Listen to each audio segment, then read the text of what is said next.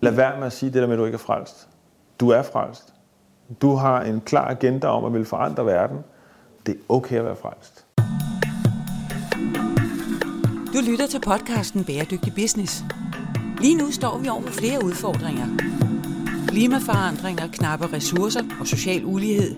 Men i denne podcast lægger vi idealismen på hylden og undersøger, hvilken rolle verdens virksomheder vil spille i omstillingen til et bæredygtigt samfund.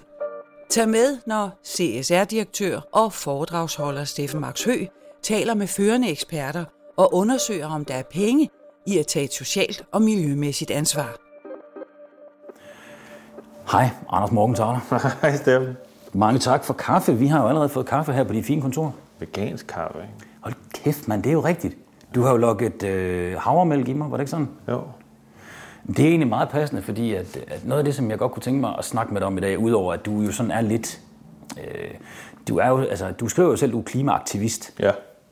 Og, øh, og du blander dig jo rigtig meget i debatten, og du er både investor, og udover det, så har du en masse holdninger, og du er meget eksponeret, du er meget i radioen. Du har lige lavet et nyt program, der ja. hedder Donut Economy. Nej, det hedder jo ikke Donut Economy. hedder Donut-modellen. Donut-modellen. Med, med Anders Morgenthaler.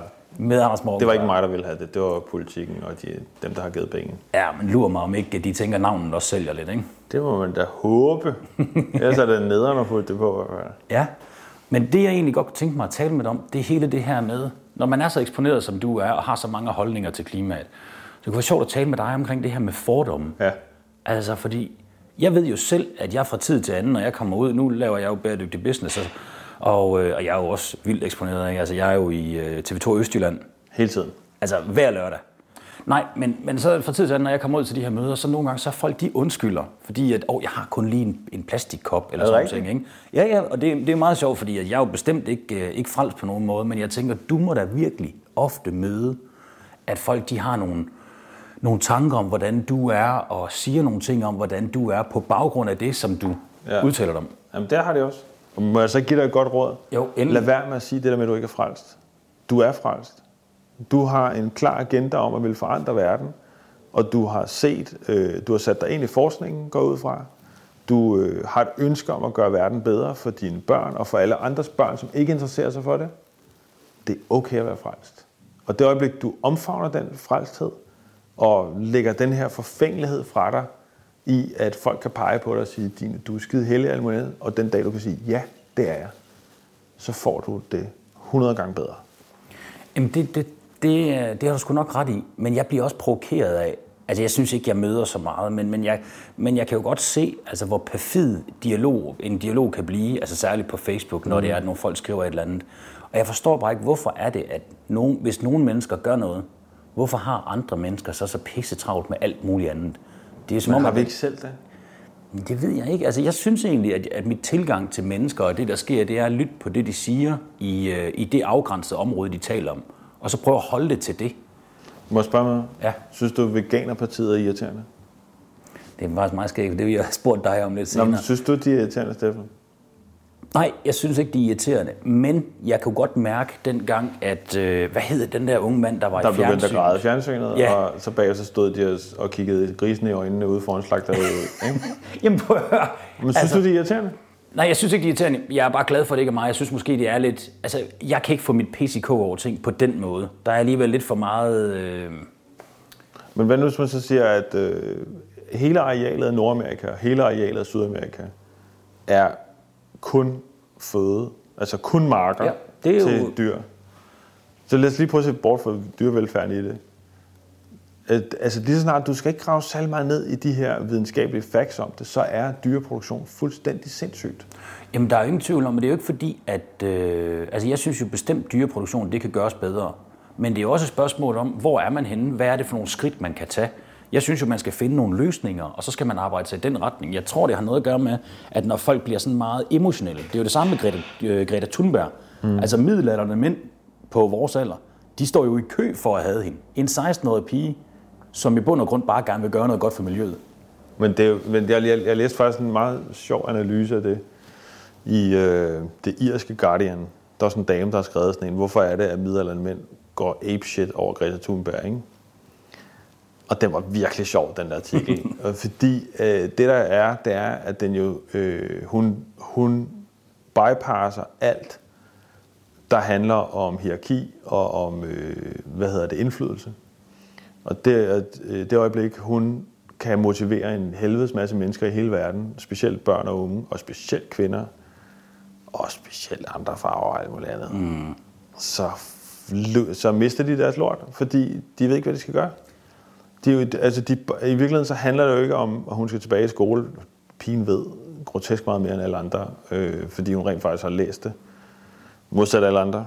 Jeg tror faktisk, at hendes Asperger har gjort, at hun har læst alle rapporter videnskabeligt fra første side til sidste side. Jeg tror, du har en rigtig stærk pointe i, at de magthavere, der er, face it, de er middelalderne mænd, og de er hvide. De har siddet på ting i rigtig, rigtig lang tid. Der bliver mindre af det, der bliver gradvist mere diversitet, men det går ikke vildt hurtigt.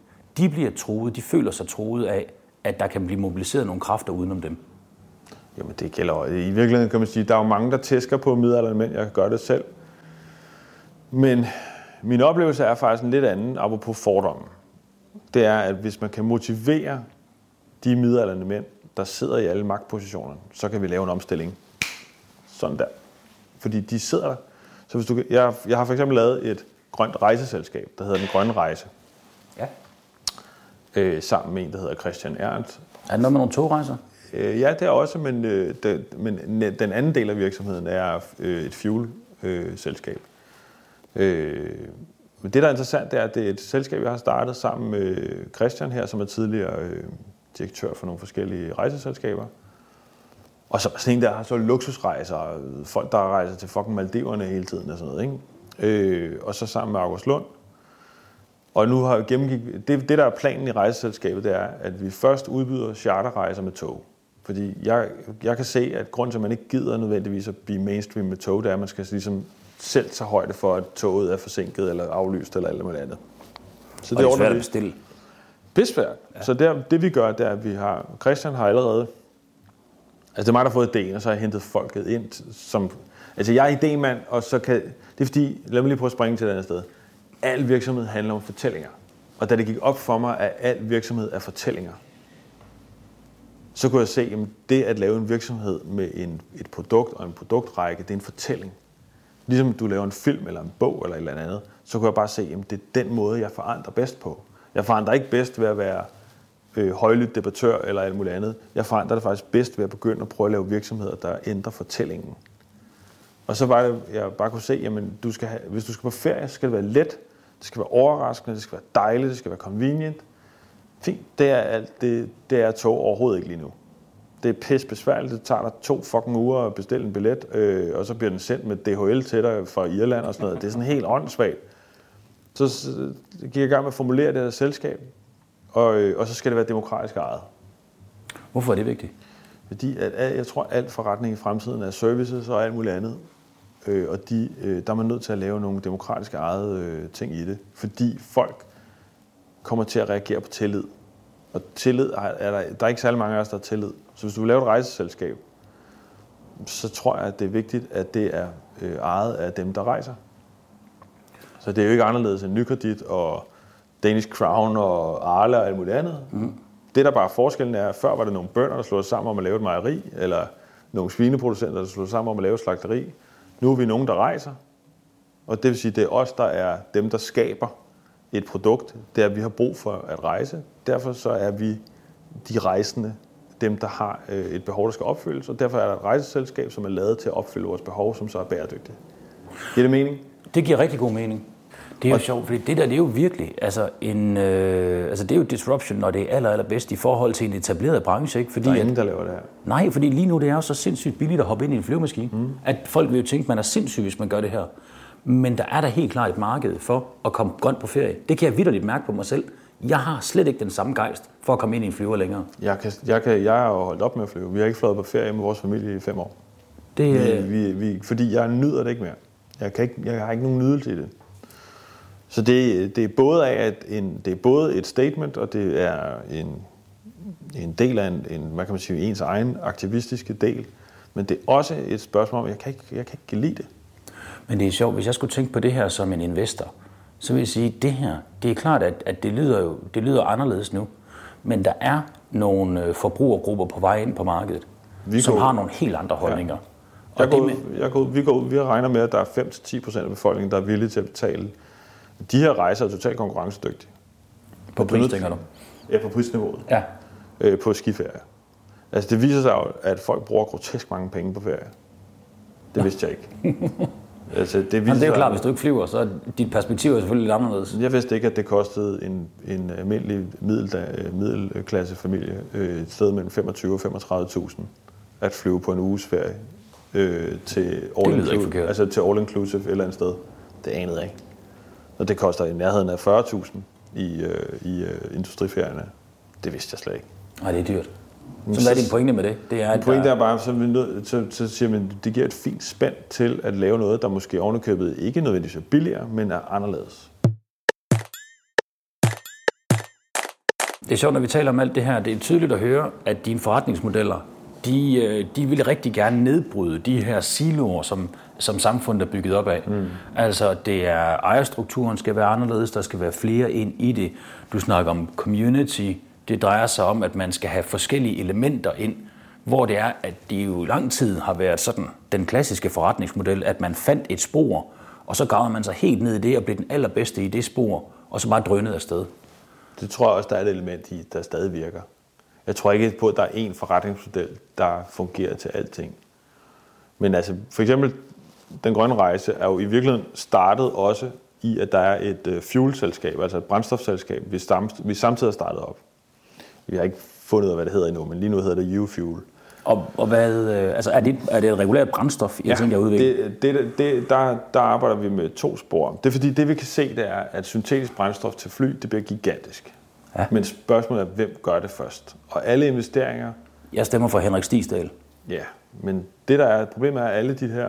Øh, alle de forsøg, der er i gang, det kan være hvad hedder det, Sky Clean med, med Aarhus Universitet og Landbrug Fødevare og alle mulige andre, der er også nogle kæmpe store ting i Sverige og alt muligt. Det der er, det er alt som kræver gigantiske investeringer. Der er også det her Aalborg øh, affaldssæde, der vil gøre det. Øhm, det er dem, der ligger på Green Lab. Ja, måske. Men det der bare problemet er, at det alt sammen kræver milliarder millioner. Mm. Så arbejder jeg sammen med en, der hedder Michael Riber, og en, der hedder Sebastian Bay. Øh, vi har startet der fuelselskab, og det kommer August også ind i, tror jeg. Men det er faktisk et sideselskab sammen med det. Men det fungerer også som et andelsselskab. Fordi det, kommer, det, der, det, det, der er tanken her, det er, at vi vil udvinde øh, CO2 fra øh, klimaanlæg på bygninger.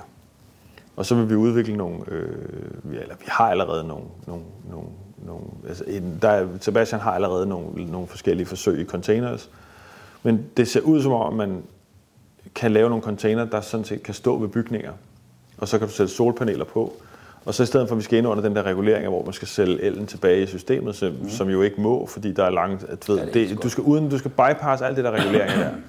Men hvis vi kan gøre det sådan, at alle de her container, de står udvinder en, de laver en syndgas ud af den solenergi på tagene, hvor man så bruger alt det CO2, der kommer ud af bygninger. Og der er rigtig mange, der har bygninger, de ikke ved, hvad fanden skal de stille op med. De vil gerne gøre noget godt, de vil gerne stille sol op, men de kan ikke sælge det tilbage i systemerne. De får ikke nogen penge for det, ergo er der ikke nogen... Altså, der er et tab på det. Ja. Hvad nu, hvis vi kunne få det... Det, er, det bygger på, en, en, øh, på et paper fra Nature, som Michael fandt, øh, som hedder Crowd Oil. Ja. Og ideen er at lave et andelsselskab, hvor alle, der har bygninger, de øh, får muligheden for at udvinde brændstof til fly. Og, det er fordi, at, at så stiller man en container ved siden af sin bygning. Ja, så, altså jeg kan ikke alle de helt præcis tekniske ting. Det er jo altså, Michael altså, og dem, også, der sidder med det. Ikke? Jeg blev lidt udfordret på det der femtal, jeg fik i fysik, kemi i 9. Ja, klasse lige Men nu. sådan som det er, det er det, at for at lave en syntgas ud af CO2, så skal du så blande det med noget Men er det durable? Noget, altså kan det lade sig gøre? Ja, ja. Vi har, vi har, Michael har lavet den første beregning ude på KFK, Kofokus anlæg, som de er ved at stille op ude i lufthavnen. Og der kan vi på 2.000 kvadratmeter storkøkken, der kan du lave mellem 75 og 145 tons brændstof om året. Og det er jo selvfølgelig ikke en brændstof, der overhovedet er konkurrencedygtig med fossil brændstof. Det prismæssigt, tænker du? Ja, prismæssigt bliver det måske to-tre gange dyrere per liter. Mm. Men det er jo ligegyldigt, fordi vi, det er vores eget rejseselskab. Vi kan bare tage det for dækningsbidrag, vi kan bare putte det ind på en anden måde, eller vi kan sige til folk, hvis du gerne vil på den her rejse CO2-neutral, så er du nødt til at betale lidt ekstra for det. Ja. Så, så har vi forskellige folk inde, der rigtig ved rigtig meget om det her. Det viser sig, at selv med en dobbelt op brændstof, brændstofspris, så vil en rejse til New York kun blive 20% dyrere. Det vil sige, at din rejse til New York bliver kun 20% dyrere, selvom du flyver på bæredygtig brændstof. Ja. Og Det det, er jo- fandme, det, det, det, det, Jamen, det er jo vildt nok, fordi det er jo kraftedeme ikke ret mange penge det er utroligt lidt penge. for at få lov at komme afsted med klima, ren klima som vi Ja, og, og bare lige for dem, der lytter til det, så er syntgas, altså syntetisk gas og syntetisk brændstof, består på den måde, at du skal finde en kilde, der er cirkulær. Og det vil sige, hvis vi bruger CO2 fra bygninger, som er os, os mennesker, det er derfor, jeg kalder det U-fuel, ikke? Ja. Det, så er det jo vores CO2, der kommer ud af os, som vi indånder og udsender i en bygning, samler vi det op, laver det til gas og til flybrændstof, så flyver det ud, så brænder vi det af igen. Men du kan cirkulere det. Du- Du tilfører ikke systemet noget. Jeg får det her billede øh, fra, fra Matrix, hvor det er Neo, han vågner op inde i den der, inde i The Matrix, og at de der maskiner, de bare harvester Ja. al den der energi, men jeg forestiller mig, det er en lidt mere human måde, vi har gang i det her. Det her, det, det, er, en mere, det er en mere venlig måde, ikke? Ja. Men altså, det er også der, når folk siger, at løsningen er ikke, at vi ikke skal flyve, og, du ved, eller, du ved, og mennesket skal flyve og alt sådan noget. Ja, men altså, det er der, hvor, når du siger det der, du sagde som noget af det første, da vi snakkede sammen, at man forstår ikke, folk ikke er villige til at gå ind på de her præmisser, når man først har sat sig ind i forskningen. Så det er meget, meget svært for mig.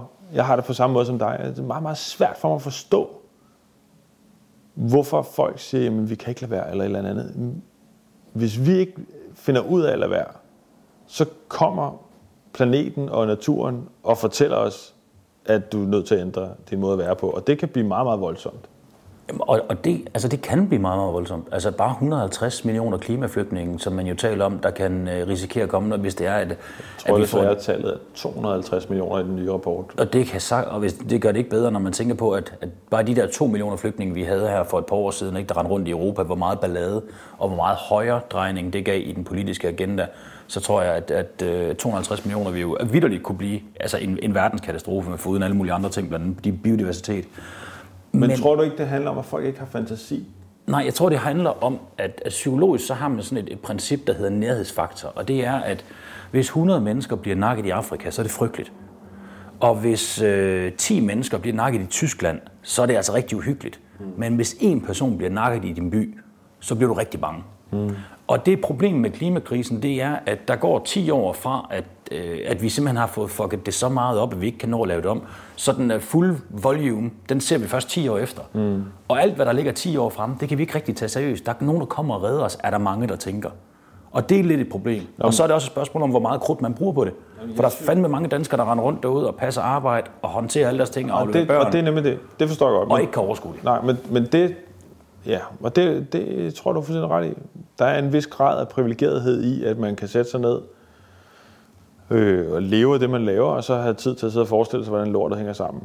Øh, men der er ikke... Øh, Men er det en undskyldning for ikke... Nå, men altså for eksempel, lad os tage kød. Det er altså, apropos det, du siger med fordom. Ikke? Mm. Folk flipper jo fuldstændig ja. skråt, når man Det er siger helt sindssygt. Og det er fuldstændig sindssygt, hver gang man siger det. Jeg, har, jeg holder også noget, jeg holder også en foredrag, der hedder Frelst. Okay, gør, og gør du det? har jeg faktisk ikke set. Jeg har en foredrag, der hedder Frelst, der tager ud med super populært, Ja. øh, hvor jeg gennemgår alle forandringerne, vi har lavet i min familie og mit liv. Og så kæder jeg det sammen med, hvad har det, hvis vi alle sammen gjorde det her, hvad vil det så have af effekt på klimaet?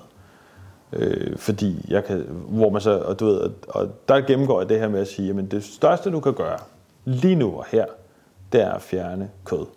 Bare, og du behøver ikke gøre det fra dag til dag, du kan bare starte med at fjerne oksekød for din diæt. Så kan du gå videre til andre klovdyr, øh, ged, lam, alt muligt andet. Så kan du fjerne en gris, og så kan du lige køre den igennem på kylling. Og når du så har gjort det her, så på et tidspunkt, så har du ikke lyst til det. Det, det, det, er, det, er, helt, det er meget, meget af det kulturelt øh, indlejret i os. Der er sket meget på den side. Der. Ja, men stadigvæk.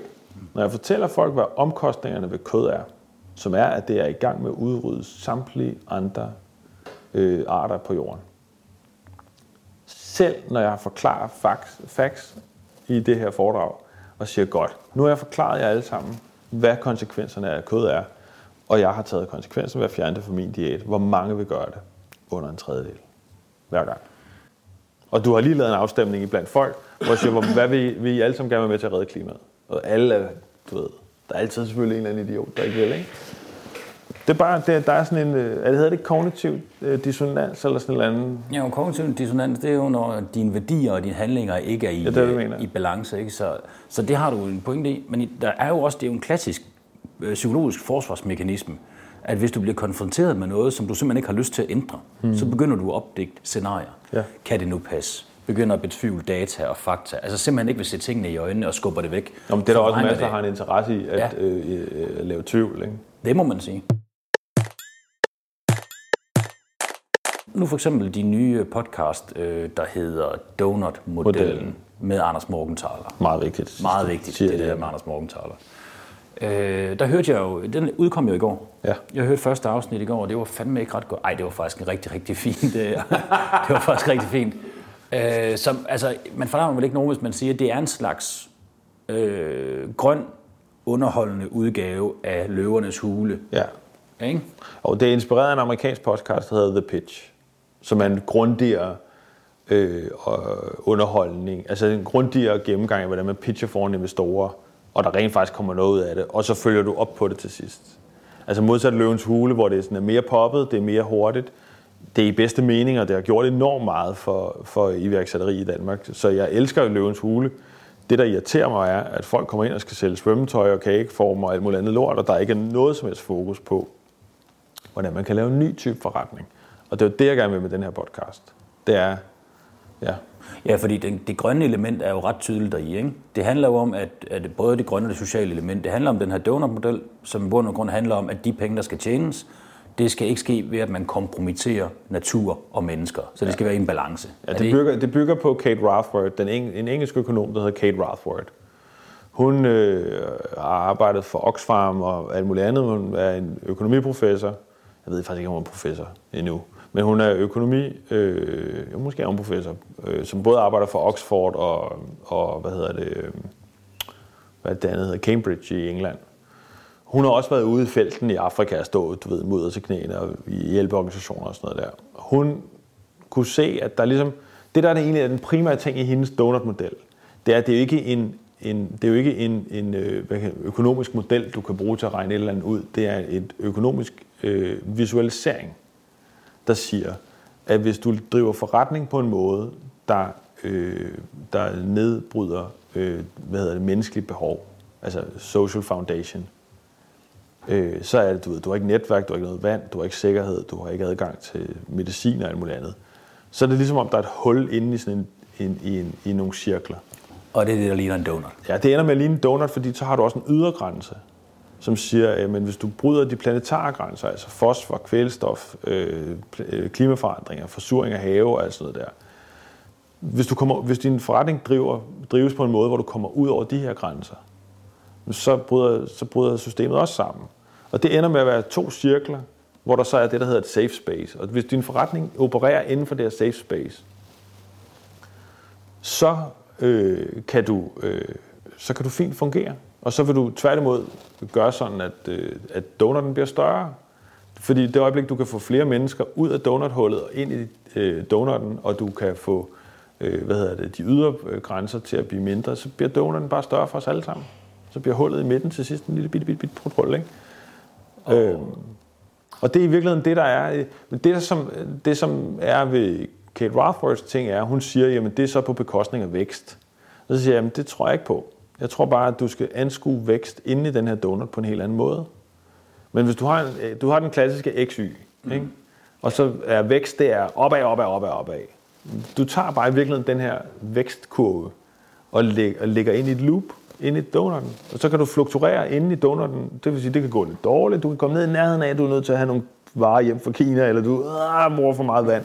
Men, men du kan sagtens fluktuere. Og i virkeligheden tror jeg, at man skal til at anskue hastighed på sådan noget der på en anden måde. Så hvis du har en fluktuerende vækst inde i den her donut, så er det hastigheden på det, der definerer, om din virksomhed så er Så når du snakker om grøn vækst, så tænker du, jamen altså, det kan, folk flyver lige nu, og tager stadig, eller tager, folk tager stadig ud og rejser, og de flyver, men man kan lave nogle rejseselskaber, hvor det er, at man måske tager toget, hvor man måske kører på grønt brændstof, så kommer folk stadig på ferie, ergo de bruger stadig pengene, vi vil stadigvæk have et vækst. Og de har det bedre. Men, og de har det bedre, siger du. Men det gøres på nogle præmisser, hvor det er, man beholder sig, eller man er inde i den her donut. Fuldstændig.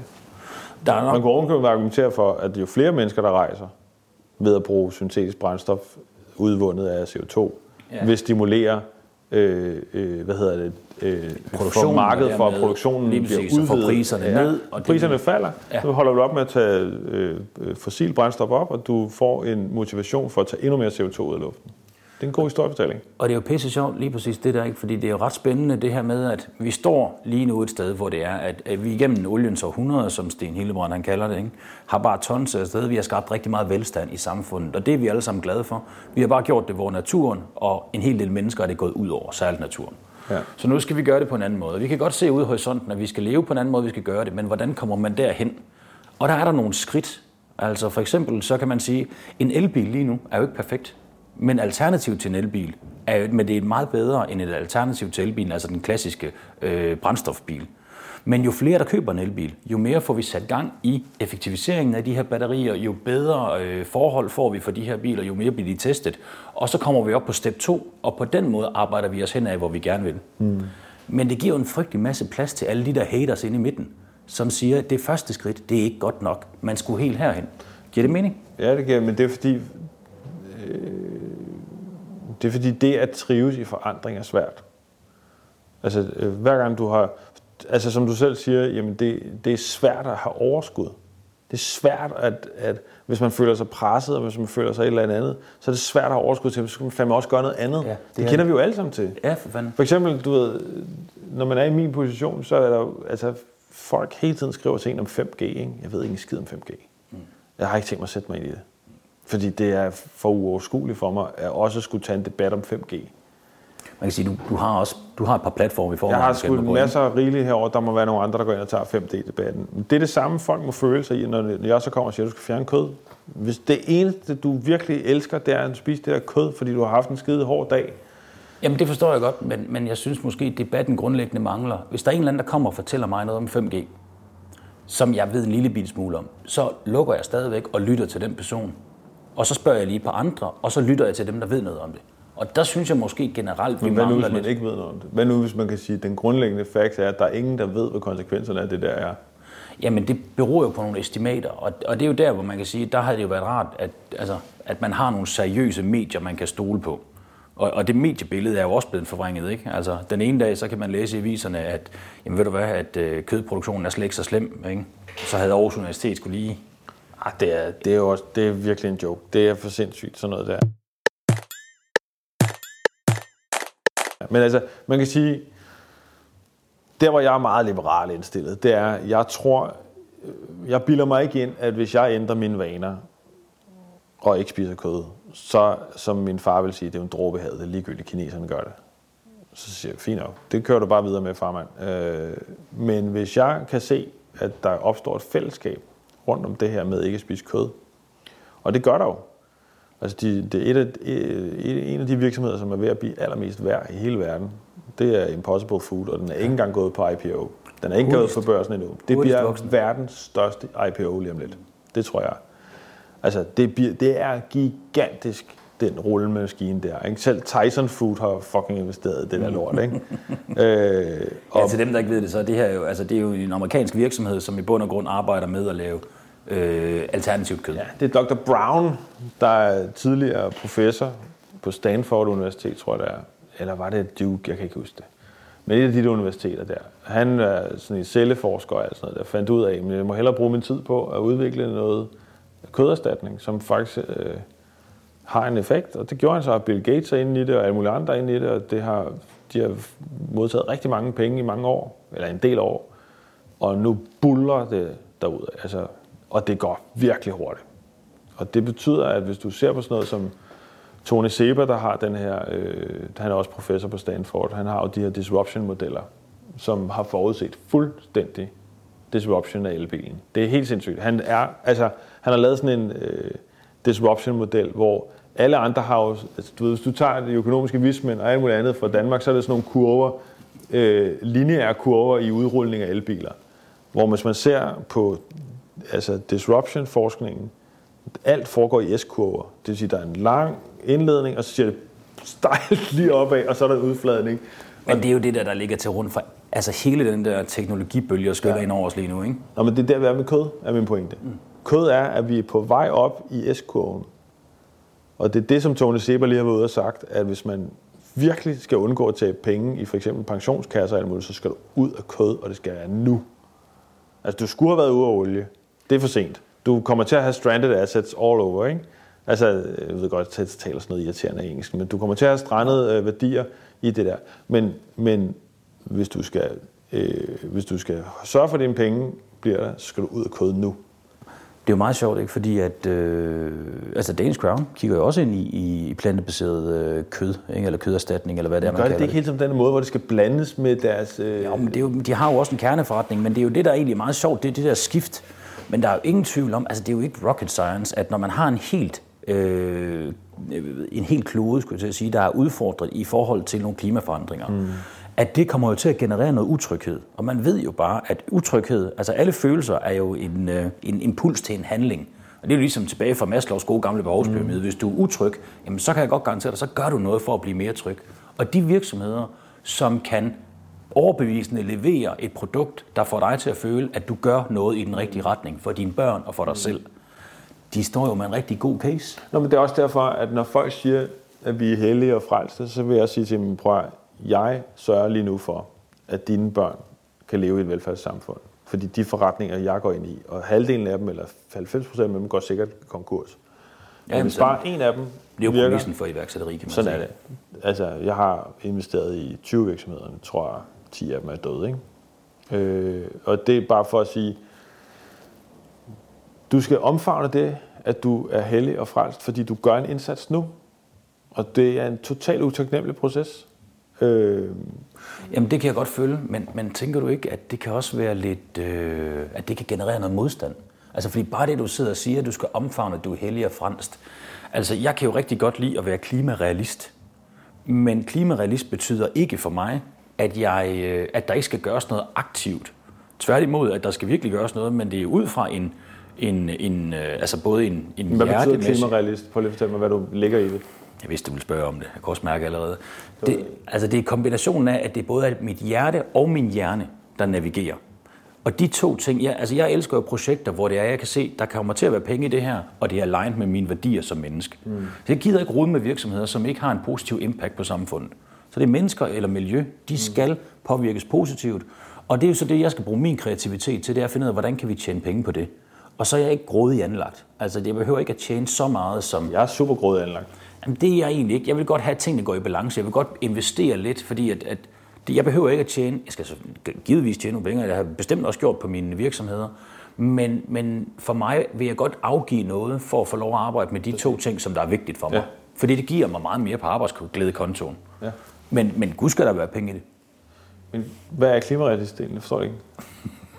Hørte du ikke den flotte smør? Jeg synes, jeg kom så godt ud af det. Det er ikke klimarealisme, det er der bare... Altså, hvis, Jamen, du, det er, det er... Hvis, du, hvis du sørger for, at det du laver... Hvis du nu sørger for, at dine fremtidige virksomheder, og dem du har lavet, er inden for donutmodellen, Klima. så kan du tjene alle de penge, du vil, og sende det tilbage igen. Jeg har ligesom dig, jeg er, jeg er glad for at akkumulere penge. Jeg kan vildt godt lide at tjene penge. Jeg synes, der er en fantastisk værdi i, at jeg laver noget, som så faktisk viser sig at øh, tjene penge. Det, som du, jeg deler med dig, det er, de fleste af pengene har jeg lyst til at putte tilbage i nye ting, for det giver mig ingenting at have dem stående. Nej, det er jo så lidt det der med, hvordan får man noget ud af pengene. Jeg tror måske, at klimarealist er min måde, at få, hvor du siger, at du er frelst. Fordi at ordet frelst, det for mig, der, det genererer noget, noget negativt, noget modstand. Ja. Og egentlig ikke så meget, når jeg hører det, for jeg kan jo godt høre, hvad du siger. Jeg ved jo også, hvad du har lavet og sådan noget. Så, så jeg oplever jo, altså frelst, det, der tænker jeg jo på Moses Hansen, der kommer gående med et, et kors ned igennem ned igennem strøget, ikke? Og, og egentlig ligeglad med, hvor meget, hvor meget forarvelse og vrede han skaber. Og det er jo slet ikke sådan, jeg oplever dig. Altså, Nå, men det er jo faktisk det, folk oplever. Jamen, jamen, fordi, det, men nu er det, fordi vi to deler værdier, men der er der mange, der oplever mig som værende præcis sådan noget Mosens Hansen. At nu kommer jeg og siger til dig, at jeg skal have lov til at blande mig i, hvad dine værdier er. Og du siger, at du skal tænke på, at vi lever jo sådan en boble os to. Mm. Der er nogle mennesker, der hader os, hader alt ved det her. De hader, at jeg kommer og siger, Prøv, der er ikke nogen, der hader mig. Jeg, jeg, prøver, jeg er sød, og jeg er Så kan jeg jyde. fortælle dig, der er rigtig mange, der synes, jeg er en gigantisk idiot. Der er også rigtig mange, der synes, jeg er nærmest profetisk-agtig anlagt. Mm. Og, og det er jo så det, der er ved at være frelst. Det, det, der er i det, der, at hvis du kommer og siger, at folk skal lave deres værdier om, så er det klart, så møder du modstand i det. Så siger jeg, men jeg kan bare se, at hvis vi er mange nok, der gør det, altså, der er ingen af os, der skal tage æren for, at der er en klimalov. Mm. Det er de børnene, og det er de unge, der gik på gaderne. Og det var dem, der gjorde det. Og det var fucking Greta Thunberg, der var blev øh, på det rigtige tidspunkt, med den rigtige baggrund, med den rigtige måde at se ud på, og alt andet, blev ligesom det. Ikke? Ikonet for hele Ikonet for bevægelsen. det. Der så du ikke information her. Der, og der var, man fandt en for en 92, en, der hedder, jeg tror hun hedder Sevin Suzuki eller sådan et eller andet. Fuldstændig man til. Nærmest ligner Greta Thunberg bare en asiatisk udgave, der holdt en tale på FN's ting. Ikke? Men det er jo det der med, markedet skal være modent. Momentum. Mm. Og momentum lige nu er, du skal ud af fossil brændstof, og det skal være nu. Fordi du kommer til at tabe så mange penge på det. Og det samme med kød, og det samme med de traditionelle ting. Du kommer til at tabe så mange penge på det. Men, men pensionskasserne synes jeg jo er rigtig spændende, fordi så kommer der jo nogle penge over, nogle seriøse penge over og påvirker udviklingen. Fordi det er jo noget, vi har, det er jo virkelig noget, vi ikke har været gode til i Danmark. Vi har jo det bedste potentiale for at kigge ind i, mm. øh, i vind mm. og ind i sol, for den sags skyld kunne være rigtigt. Det er jo fuldstændig fjollet, at vi ikke kan lave nogle subsidier til det, som, øh, som holder stik. Men vi har jo et rigtig godt udgangspunkt for at udvikle nogle ting her.